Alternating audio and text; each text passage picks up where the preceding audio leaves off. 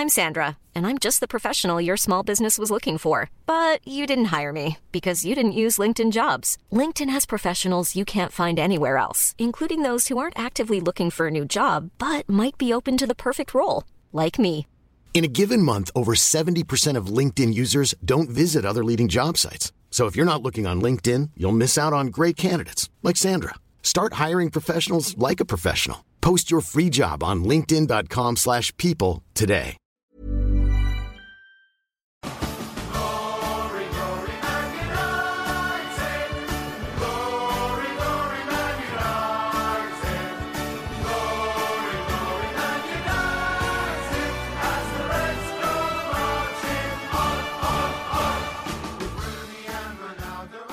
Halo pendengar ganteng-ganteng. Manchester United, balik lagi bersama kita bertiga di podcast GGMU dan pada kesempatan kali ini kita akan ngebahas sebuah topik yang mana sebenarnya eh, bisa dibilang agak cukup jauh dari bahasan yang kemudian kita pernah ulas sebelumnya. Dan apakah ini akan cukup relevan atau enggak ini bisa kita diskusikan.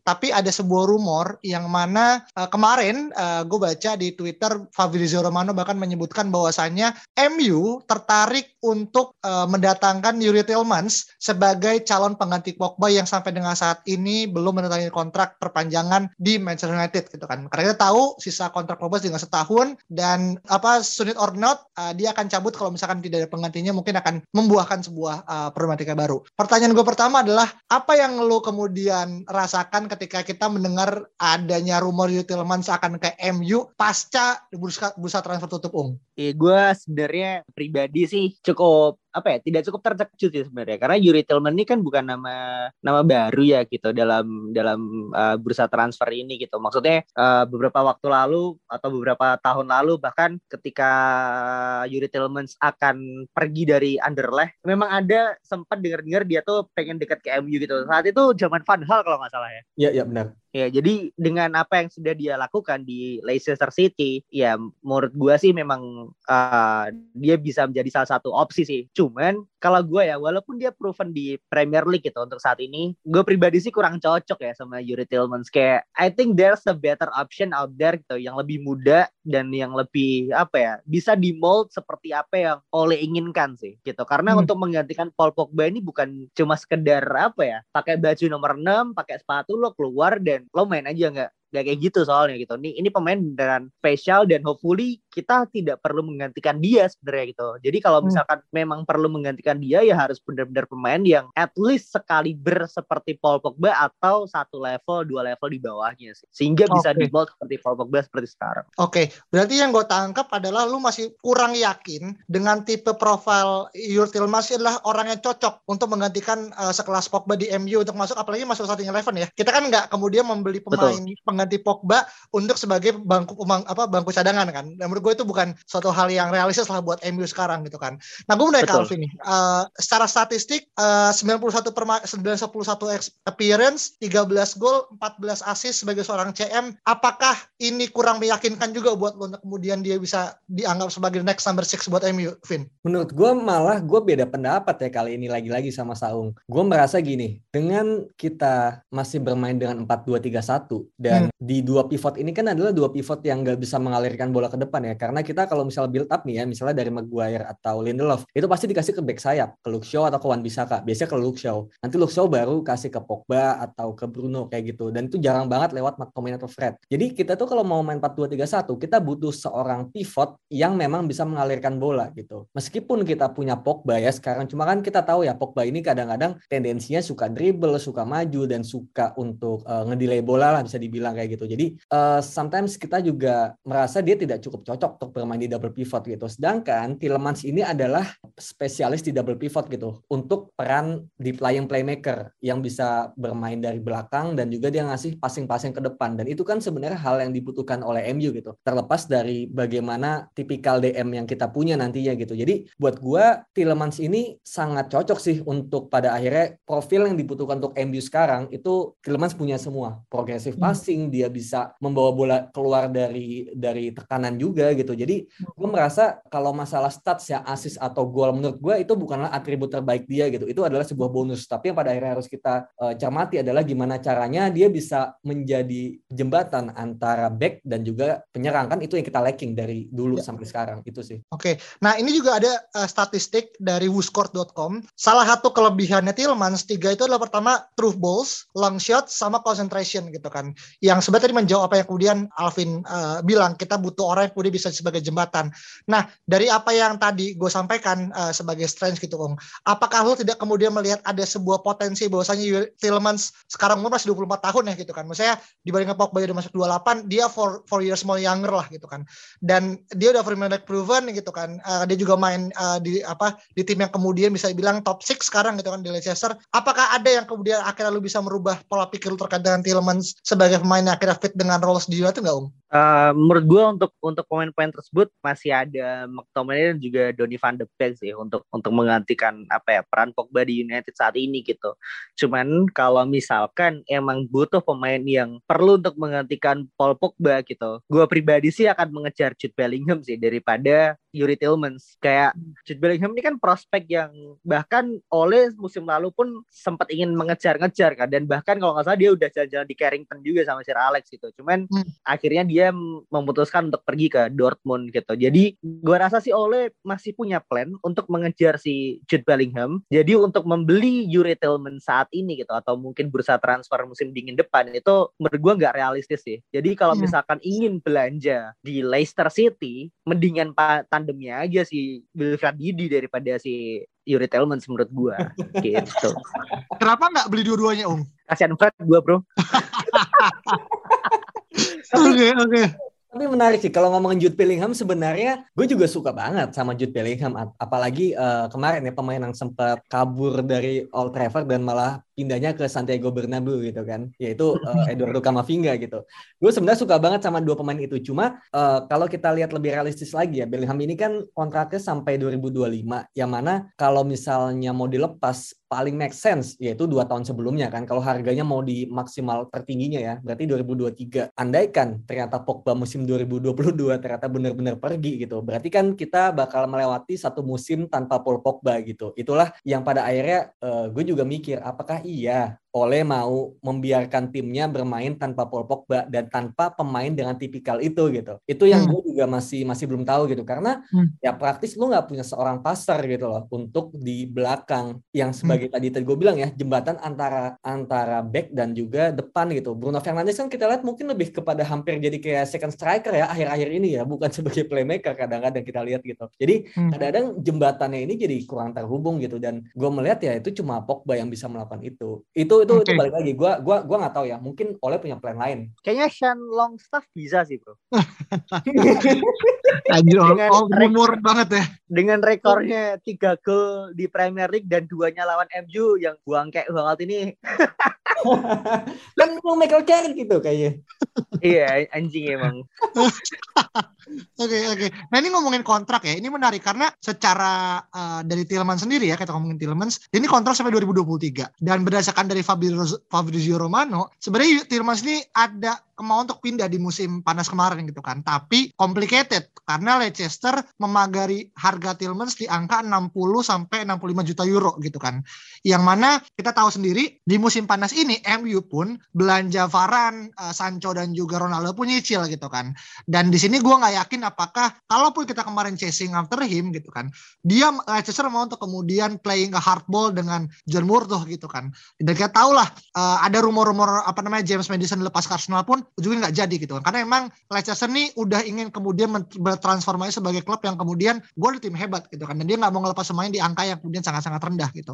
Nah dengan kemudian melihat kontrak Pogba yang kemudian habis tahun depan dan kemungkinan dia akan tidak akan memperpanjang kontrak ditambah Tillmans pun sadar nggak hanya MU ya bro ya. Nih Fabrizio juga bilang Madrid Barcelona even Liverpool pun akhirnya look after him juga gitu kan. Nah apakah ini sebuah sign bahwasanya Tillmans bisa menjadi uh, the next project seperti let's say kayak Ahmad Diallo sebelum kita chase uh, ke Jude Bellingham, Bro Saung Kalau kayak sama dia lu kayaknya enggak sih karena secara secara usia kan juga cukup jauh ya. Oh, iya. ini ini pemain kan udah udah udah cukup senior gitu. Cuman untuk Hmm. jawaban jangka pendek gua rasa iya gitu si Yuri Hmm. Tillmans ini gitu. Cuman masalahnya adalah dengan apa hilangnya Paul Pogba nantinya gitu ya. Eh, secara teori hilangnya Paul Pogba ini kan berarti kita butuh dua pemain, Bro. Seperti yang kita sering bicarakan kan di episode-episode sebelumnya gitu. Apakah dengan datangnya Yuri Tillmans ini akan langsung menutup apa lubang yang selalu ada gitu di midfield gitu. Jadi gua rasa sih Yuri Tillmans selalu main di central midfield ya daripada defensive midfield karena dia ada eh, siapa namanya Wilfred Didi gitu di situ gitu. Iya, iya. Dan dengan datangnya Yuri Tillmans di United tanpa adanya DM akan seperti apa jadinya gitu loh. Bahkan Donny van de Beek pun nggak dapat tempat di tim ini gitu. Jadi datangnya Yuri Tillmans ini nggak akan langsung apa ya, memberikan impact yang yang langsung gitu ke United ini karena United ini masih perlu masih ada PR untuk membeli DM daripada menggantikan Paul Pogba menurut gua saat ini gitu. Makanya tadi gue bilang daripada beli Tillmans, mending gue beli Didi gitu. Karena ketika lo punya Didi, lo mau pakai siapa pun di tengah itu pasti jalan kan gitu loh. Hmm, see, Iya, iya. Hmm. Dan dan, dan tadi Iya, iya maksudnya adalah benar Tielemans memang pemain yang mungkin bisa dibilang jangka pendek ya, solusi jangka pendek dan gue sebenarnya tadi berbicara dengan asumsi DM ini udah pasti diambil ya gitu karena DM dan striker ini kan sebenarnya udah dijanjikan juga ya oleh oleh manajemen MU kepada Ole gitu. Cuma em, pada akhirnya kalau misalnya DM ini benar-benar solve dan juga striker udah solve gitu menurut gue kalau emang MU punya duit ya go for Tielemans gitu loh. Kecuali kecuali memang Ole punya sebuah skema lain mungkin 4-3-3 kemudian ada DM, CM kanannya pasang box to box, Van de Beek, terus CM kirinya Bruno Fernandes ya gue nggak tahu ya. Mungkin itu plan plan masa depan ya tanpa Pogba ya gue nggak tahu juga. Cuma Yes. pada akhirnya kalau emang MU nggak mau go for Tielemans, gue rasa MU benar-benar dan Ole ya harus benar-benar punya skema yang mendukung bahwa tanpa Pogba gitu loh. Ini kan kita masih di antara dua cabang gitu kan. Lu mau bermain dengan skema ada Pogba, kemudian lu menggantikan pemain dengan eh, yang mirip dengan Pogba atau lu mau bermain dengan skema tanpa Pogba gitu. Itu kan yang kita masih nggak tahu. Oke. Iya, Dan, dan ini kan hmm, gimana? Uh, jadi gue rasa Ole akan berusaha semaksimal mungkin untuk mempertahankan Paul Pogba at least sampai dua musim ke depan sampai Ole berani untuk bikin Ole apa Pogba cabut sih dari United. Jadi karena apa ya? Ole tuh masih butuh tim yang stabil gitu loh. Dengan Pogba cabut itu pasti nggak akan stabil lagi. Ya, Dan- berarti, berarti menurut lu nanti perpanjang kontraknya cuma dua tahun gitu ya? Kayak agak aneh gak sih? Enggak, bukan bukan dua tahun sih, Vin. Mungkin lebih ke empat tahun. Dua tahunnya dia cabut, ngerti nggak? Oh iya iya paham paham paham. Ya, Jadi jadi dengan dengan apa ya? Dengan menjaga nilainya Pogba juga gitu loh. Karena eh, gua rasa Covid sekarang masih ada gitu. Cuman di Eropa sendiri kan udah mulai masuk kan. Apa fans-fans udah mulai masuk, udah mulai nonton. Jersey-jersey juga udah pada laku semua gitu. At least di United ya. Jadi eh, gua rasa pendapatan klub pun eh, berangsur-angsur akan stabil gitu loh. Jadi kalau gua boleh melihat masa depan gitu ya. Apakah MU ini akan bergerak untuk membeli Yuri Tillmans, gua rasa sih belum gitu. Gua rasa sih MU akan beli setidaknya dua pemain yang besar sih men. Two big signings itu which is di striker dan di midfielder. Dan midfielder ini gua yakin bukan Tillmans gitu Hmm. loh. Oke. Ini pasti DM, ini pasti DM gitu. Jadi kayak Pogba ini dalam asumsi oleh dia mas, pasti masih akan bertahan hingga eh, dua musim yang akan datang. Oke. Dan ini Gitu ini ngomong ini agak ini agak agak futuristik ya. Gitu kan bagaimana That's why uh, Donny van de Beek waktu minta di loan ke Everton pun Ole nggak mau kan, nggak mau kasih gitu. Karena apa? Karena dia emang pengen Donny tuh stay di situ gitu. Karena Donny masih punya tempat di situ. Agak nggak adil juga sih. Apabila Donny tidak diizinkan untuk stay, tapi musim depan MU akan beli midfielder lagi gitu. Nah, gini men, Kecuali, gini. eh, kecuali Fred pindah. Oke, gini. Malah kalau gua gua gua rasa ya, kalau misalnya ternyata oleh oleh oleh kan oleh kemarin bilang ya, bukan oleh sih sebenarnya Van de Beek bahwa dia udah deket banget sama Everton untuk loan bahkan Hmm. maksudnya mungkin untuk dijual juga gitu kan kalau misalnya ada tawaran gitu. Intinya dia dia dia ingin jam bermain, waktu bermain gitu kan. Dan oleh bilang masih punya plan gitu. Gua rasa malah gitu ya. Kalau misalnya kayak gitu situasi ya jangan-jangan emang oleh ini udah mulai pesimis kalau Pogba ini nggak mau cabut. Eh maksudnya Pogba ini benar-benar mau cabut gitu. Karena iya kalau misalnya Pogba masih dipertahankan musim depan gitu kan, ya Van de Beek juga nggak akan main anyway cuy gitu loh. Justru menurut gua Van de Beek ini role-nya ini kan bukan se bukan bukan sebagai additional player, bukan sebagai rotational player seperti yang dibilang sama agennya ya. Dia tuh datang ke Inggris bukan untuk main di Carabao, bukan main di FA Cup, tapi untuk bermain di Premier League kayak gitu loh. Jadi hmm. sebenarnya uh, kasus Van de Beek ini kalau misalnya masuk ya ke kasus itu gitu, malah kayaknya oleh dari dari rumor Tillemans kemudian Van de Beek udah mulai speak up kayak gitu, kayaknya oleh ini udah makin gak yakin sama Pogba gitu untuk untuk perpanjang kontrak gitu sih. Atau uh, Ole ini emang udah dijanjikan bahwa di bursa transfer musim dingin atau musim panas DM tuh pasti datang gitu. Which mean Doni pasti punya place di situ. Iya iya iya iya itu. Iya benar. Gitu sih. Jadi kayak ya bisa bisa bisa seperti apa yang lo bilang juga gitu. Cuman bisa juga bahwa mengindikasikan MU ini akan punya kedatangan baru di mana Doni punya tempat bermain di yeah. situ gitu loh. Iya, benar. Karena iya kayak yang kita episode di Van de Beek kan karena Van de Beek ini nggak bisa main karena posisinya diisi sama Fred dan McTominay kan dia mau main di mana lagi gitu di midfield yang udah pack ini gitu. Makanya uh, dengan adanya Pogba ini gue yakin Pogba tuh hopefully stay lah gitu. Maksudnya kita perlu membuktikan apa lagi sih gitu ke Pogba gitu. Sekarang Cristiano Ronaldo datang masa kita perlu datengin Messi anjir? Kayak apalagi gitu kecuali memang si Mino Raiola ini emang emang emang kampret aja emang pengen si akhirnya apa kliennya pindah. Itu sih. I see Iya, tapi ngomong-ngomong soal terkait dengan positif mas dan juga kebutuhan DM, ini gue dapat uh, stats menarik ya dari footballcritic.com. Sebenarnya uh, dari total apa 50 match terakhir yang Tielemans mainkan, dia itu 32 kali main as in defensive midfielder gitu kan.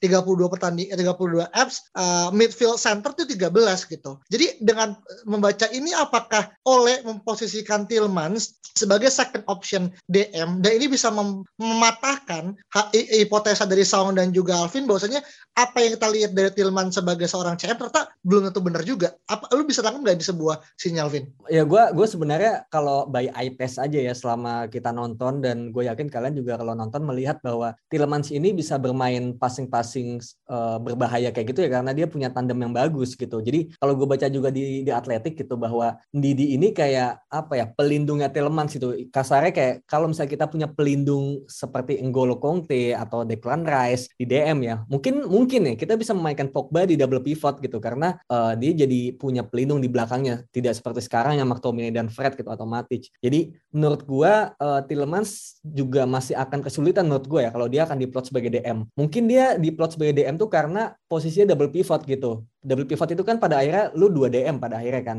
Dan gue lihat juga jarang kok Tillemans itu bermain sebagai lone DM ya, yang literally satu DM doang, kemudian depannya Madison sama siapa gitu. Tillemans tuh benar-benar harus punya pelindung di belakangnya, entah itu Mendy ataupun Didi. Uh, tadi kan lo sempat mention kan bahwa Leicester ini kan sekarang menurut gue tim besar ya Leicester City ini uh, lebih besar daripada Laden Merah gitu. Jadi apa ya dealings with Leicester City itu salah satu hal yang sangat sulit sih untuk saat ini gitu. Mungkin hampir sama sulitnya dengan dealing with uh, Daniel Levy atau Tottenham Hotspur ya. Karena uh, mereka punya target yang bagus, mereka punya strategic tim yang bagus gitu. Bahkan uh, training centernya pun baru banget gitu. Yang kita tanpa tidak langsung membantu membiayai gitu dengan membeli Harry Maguire 80 juta pounds kan. Jadi kayak susah gitu untuk untuk dealing with Leicester gitu. Misalkan kita berada ada nih gitu. Leicester bersedia untuk menjual Yuri Tillmans. Kira-kira berapa sih harganya si Tillmans ini gitu? Kalau gua lihat ya kan tadi kan dia bilang harga 60 sampai 65 juta euro ya di musim ini gitu. Um, Kontrak tinggal setahun ya? Dua tahun. Dua tahun, dua tahun. Nah, musim depan Kalau kan musim depan tahun. tahun berarti. Nah, okay. setahun kan menurut gue kalau di situ menurut gue tuh bisa ditekan sampai 50 sih gitu. Maksudnya kalau misalnya di, dia pasang 80 juta atau 100 ya ke Declan Rice musim ini, terus nggak dia mau beli, ya itu rugi di Leicester sih. Bakal apa gratis musim depannya. Kecuali kecuali tiba-tiba Tillemans ini um, perpanjang kontrak nih, diam-diam musim ini kayak Jadon Sancho waktu itu nambah setahun atau nambah dua tahun yang bikin Leicester ini punya apa ya bargaining power lebih bagus dibanding tim-tim yang emang pengen beli dia. Oke. Okay. Kalau kalau dari lo gimana ya? Kira-kira berapa nih si harga Yuri Tillmans? Mengingat kita kan akhirnya ngomong ini kan memungkinkannya kan di musim panas ya, apalagi pemain-pemain yeah, kayak yeah. Tillmans yang next summer ya. Main inti nggak mungkin lah gue yakin di bulan Januari itu adalah impossible lah gitu.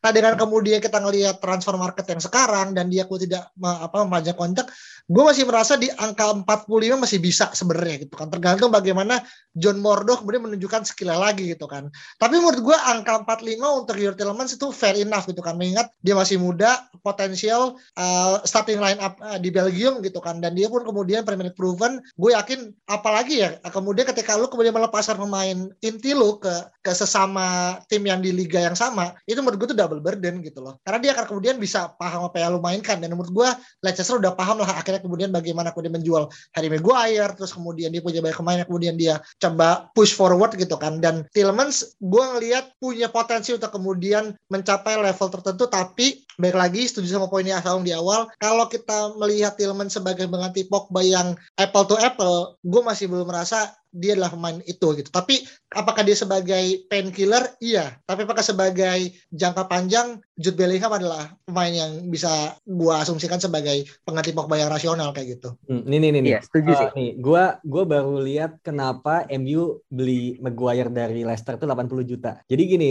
jadi di tahun 2018 itu tuh Maguire tuh perpanjang kontrak 5 tahun. 2018 ya. Berarti sampai 2023. Sedangkan MU beli Maguire itu di tahun 2019. It means masih 4 tahun lagi gitu loh. Jadi jadi gue mungkin mau sedikit mematahkan ini ya tadi argumen bahwa dealing dengan Leicester tuh sulit gitu karena memang me menurut gue lebih kepada karena kontraknya masih panjang dan MU butuh back ya lu dikasih 80 juta ya lu lu pasti lu bayar gitu. Nah, gitu. Jadi menurut gue kalau misalnya dealing dengan Leicester tuh sulit menurut gue sih nggak juga gitu. Tergantung dengan situasi dan kondisi ininya ya kontraknya menurut gue dan sebenarnya ya tahun ini adalah tahun terbaik Leicester untuk melepas Tilleman sebenarnya gitu. Kan cuma kalau misalnya ternyata Tilleman nggak dilepas eh, nggak uh, mau perpanjang kontrak ya tahun depan is emas gitu. Dan tapi ya, menurut gue Vin perpanjang kontrak pun itu juga termasuk strategi marketing mereka gitu loh untuk menaikkan si harga pemain ngerti ya kayak mereka nggak akan ucuk-ucuk uh, apa ya uh, ini gue kasih lo uh, kontrak panjang gitu. Dia pasti ngeliat uh, tim-tim lain tuh butuh orang tuh di mana gitu. Dan ketika lo punya barang bagus gitu punya lo punya pemain dengan value yang sangat bagus gitu dan di mana tim-tim besar ini gitu kan si big four ini punya duit banyak pasti mereka akan manfaatin itu gitu. Dan dan apa deh perpanjang kontrak ini salah satu cara untuk menaikkan value mereka sih. Jadi kayak mungkin secara dealing negosiasi sih nggak alot gitu ya. Tapi mereka pinter naikin harga cara pemainnya gitu loh. Menurut yeah, gue sih yeah. seperti itu. Tapi kalau hmm. misalkan hmm. memang benar apa yang lu bilang untuk melepas Yuri Tillman ya better saat ini atau mungkin musim depan gitu. Tapi apa yang dia bilang pun tadi juga benar. Ini Yuri Tillman ini adalah painkiller saat ini gitu. Kalaupun memang pengen ke MU, gue suggest Januari sih dengan swap deal with Jesse Lingard menurut gue. asli, asli men gitu. Karena Madison pun uh, sempat rumor kenceng ke Arsenal kan, walaupun Arsenal juga ya ya begitulah gitu. Cuman kayak bisa nih bisa digoyang gitu si Yuri Tillmans dengan Jesse Lingard gitu karena uh, selain West Ham dan Everton gue sempat baca Yuri apa Leicester ini juga sempat minat sama Jesse Lingard untuk menggantikan si James Madison. Hmm. hmm ya, ya. I see, I see. Oke, okay, oke. Okay. Nah, mungkin ini, ini ya terkait dengan uh, last question dekat Tillmans. Nah, gue mau nanya ke Saung. Dari 0 sampai 10, berapa likability dia untuk kemudian fit in dengan formasi MU yang sekarang? Buat Alvin, berapa likability dia akan datang ke MU di musim depan? Silakan, Alvin. Nah. Gue apa tadi musim depan ya? Hmm. Gue tergantung Pogba sih gitu. Tergantung Pogba dulu. Gue gue sebenarnya nggak terlalu fanboying Tillmans juga gitu. Cuma pada akhirnya kalau Pogba ini benar-benar ternyata nggak berpanjang kontrak, gue sebenarnya pengen tahu aja aja kayak blueprint strategi oleh ini gimana. Lu mau main 4-3-3 dengan Van de Beek jadi box to box, kemudian lu mau mengejar Bellingham sebagai future player gitu kan. Kalau emang kayak gitu sih sebenarnya gue oke-oke aja gitu. Cuma pada akhirnya gue sebenarnya cuma pingin tahu aja blueprintnya kayak gimana dan rencana tanpa Pogba itu seperti apa gitu sih. Kalau mau main sistem dengan pemain seperti Pogba ya lu harus menggantikan pemain yang mirip gitu ya. Tillmans adalah jawabannya menurut gue karena dia bisa menghubungkan belakang dan depan ya dan segimana juga kita bisa datangin DM yang bagus. Kalau benar dapetin DM yang bagus, mungkin kita nggak butuh Tielemans gitu loh. Gitu. Kita hmm. tinggal main 4-3-3 yang lebih higher up, kita bisa pakai box to box Van de Beek akhirnya kepake terus Bruno Fernandes gitu. Tapi kalau kita nggak dapet DM, nah itu mungkin PR selanjutnya kayak gitu. Oke, okay. angkanya berapa? Dengan likability kita dapat DM ya dan udah dijanjikan juga menurut gua 5 lah, 5 dari 10. Oke, okay. okay. masih abu-abu. Oke, okay. sekarang ke Saung secara taktikal ya, Ung gue rasa sih uh, Yuri Tillmans ini kayak termasuk sistem player ya. Hmm. Kayak uh, dia tidak punya atau mungkin uh, mungkin fans Leicester yang denger ini bisa membenarkan gue gitu. Cuman dia tidak punya flair seperti Paul Pogba sih gitu. Kayak he doesn't have that apa ya, that aura, that charisma gitu di mana dia uh, bisa bawa bola seemingly through the midfield gitu seperti Paul Pogba gitu. Jadi untuk sebenarnya gue bilang untuk menggantikan Paul Pogba itu uh, adalah hal yang berbeda gitu daripada apakah dia akan fit in di suatu formasi sih menurut gue. Jadi mungkin dia bisa fit in gitu di formasi United. Cuman apakah dia pemain yang tepat di formasi tersebut gitu? Itu itu pertanyaan yang lain gitu. Let alone untuk menggantikan Paul Pogba. Jadi I just I just cannot see uh, Yuri Tillman in United shirt sih menurut gue gitu. Dan kalaupun iya, okay. I hope he prove me wrong sih. Jadi kayak okay likability-nya I think 3 sih men, 3 sih, 3 dari 10 menurut gue. Oke, okay, ini, iya, karena likability-nya likability-nya Saung 3 dari 10 ini fit dengan sistem ya, bukan datangnya. Iya, datang fit dengan sistem. Iya, fit dengan sistem betul. Karena kita masih punya PR untuk ngefitin Donny van de Beek gitu loh, men. Sekarang iya. sekarang kita masih mau ngefitin si Yuri Tillmans yang kita pun bahkan sekarang ya nggak tahu best position dia tuh di CM atau DM gitu. Mungkin memang bener CM, tapi CM-nya kan tandemnya uh, Wilfred Didi gitu. Tapi apakah iya bener dia bisa main single DM gitu? Apakah dia akan sebagus oleh apa ya seperti Declan Rice gitu kan nggak juga gitu pasti namanya pun akan digaungkan sekencang itu kalau memang dia beneran sebagus Declan Rice kan cuman ya ya yeah, I just I just can't see him in a United shirt sih for now ya oke okay. I see. Dan menurut gue itu sebuah hal yang wajar karena kan masing-masing dari kita kan punya pandangan berbeda gitu kan. Termasuk teman-teman yang udah mendengar podcast ini yang teman ngerasa oh Tillman nilai 10 baik secara transfer maupun secara sistem silakan komen dan silakan juga balas uh, Twitter kita di @podcast dan sampai sini aja sampai jumpa di pertemuan berikutnya dan salam dadah.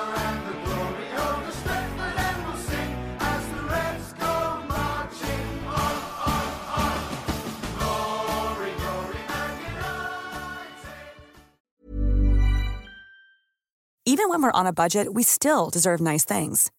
Quince is a place to scoop up stunning high-end goods for 50 to 80% less than similar brands. They have buttery soft cashmere sweaters starting at $50, luxurious Italian leather bags, and so much more. Plus, Quince only works with factories that use safe, ethical, and responsible manufacturing. Get the high-end goods you'll love without the high price tag with Quince. Go to quince.com/style for free shipping and 365-day returns.